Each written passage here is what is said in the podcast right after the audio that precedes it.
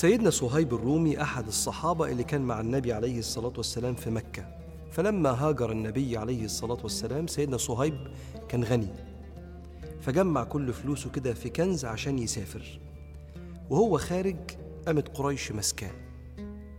وجري وراه ونزلوه من الراحلة بتاعته عشان يربطوه.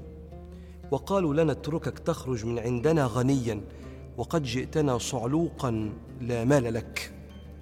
صعلوق يعني فقير.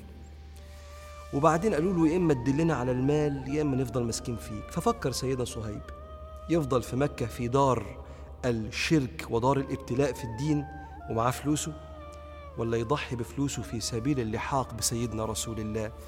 فدلهم على المال وخدوا الفلوس. فلما قدم على النبي صلى الله عليه وسلم فرآه قال ربح البيع أبا يحيى. أبو يحيى ده كنية سيدنا صهيب الرومي. هو ساب الفلوس عشان يلحق النبي ساب الفلوس عشان دينه.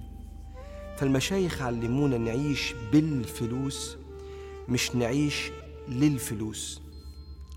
إحنا مش لحاجة ولا لحد إلا لله. إنا لله وإنا إليه راجعون. إحنا يا رب لك. وإنت لما تضحي بفلوسك في سبيل قيمك إلا الله يرضى عنها مش العكس. مش تضحي بقيمك في سبيل الحصول على الفلوس. انت لله مش للفلوس. انت عبد لله مش عبد الدرهم والدينار.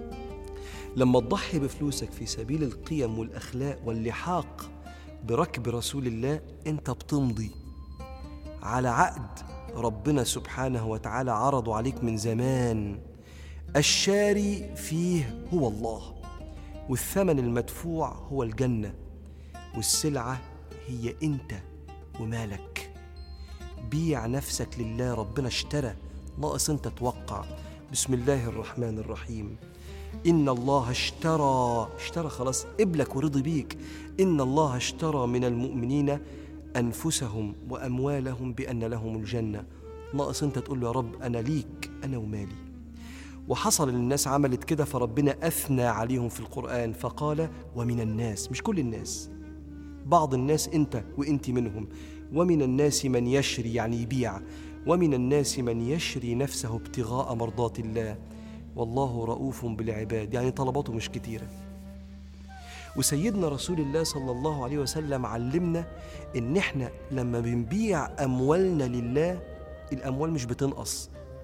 لأنك أنت لما بتدي ربنا ربنا بيرجع لك. قال صلى الله عليه وسلم ثلاثة أقسم عليهن وأحدثكم حديثا فاحفظوه ما نقصت صدقة من مال. أنا ما بتكلمش إنك تبيع مالك لله في الصدقة فقط على البسطاء والفقراء. إحنا ياما شفنا ناس عاشت بالفلوس مش للفلوس. شفنا شباب فلوسهم كلها مش هقولك بقى رايحة على الكورسات بيستثمروها في الكورسات. وانت تطويرك لنفسك ده من صميم انفاقك في سبيل الله. لأن تطويرك لنفسك ده من باب ونفس وما سواها فألهمها فجورها وتقواها قد أفلح من زكاها طهرها وطورها وحسنها. انفاقك على تعليمك ده في سبيل الله. شفنا أسر كتيرة اجتهدت والأب والأم اشتغلوا ليل نهار علشان العيال تتعلم أحسن تعليم وتلعب أحسن رياضة عشان تطلع العيال سوية. دي في سبيل الله. أنت كده عايش بالفلوس. وده اللي المشايخ علموه لنا مش عايش للفلوس. شفنا شباب كل ما يحوش قرشين يروح يشتري كتاب يقراه وشوية يحوش ويطلع عمرة عشان يزور النبي عليه الصلاة والسلام. عيش بالفلوس مش للفلوس ما تبخلش على نفسك ولا على أهل بيتك بالإكرام في الدنيا. هيحبوك ومرتبتك تبقى عالية في الآخرة عند ربنا. قال صلى الله عليه وآله وسلم بيتكلم على كل واحد بيشتغل وبيصرف على أهل بيته راجل أو ست. قال دينار تصدقت به على مسكين. أو دينار أنفقته في سبيل الله في الجهاد. أو دينار أنفقته في رقبة. أو دينار أنفقته على أهلك. أعظمها أجرا عند الله الذي أنفقته على أهلك. اعمل حسابك إن إكرامك لأهلك بالأكل والشرب والملبس ده في سبيل الله لأنك مش بخيل. أنت معيش أهلك في عزك. ولما الإنسان ربنا يبعت له فرصة إنفاق ويبخل هو مش بيبخل عن ربنا لأن الخلق ليهم رب يرزقهم. أنا ببخل عن نفسي. بسم الله الرحمن الرحيم. ها أنتم هؤلاء تدعون شوف تدعون دي تدعون لتنفقوا في سبيل الله فمنكم من يبخل. ومن يبخل فإنما يبخل عن نفسه.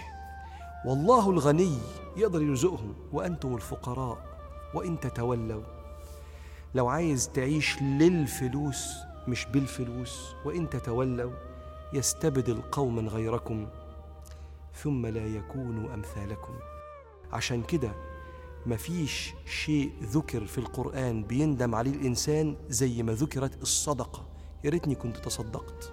ربك بيقول وأنفقوا مما رزقناكم من قبل أن يأتي أحدكم الموت فيقول ربي لولا أخرتني إلى أجل قريب فأصدق وأكن من الصالحين.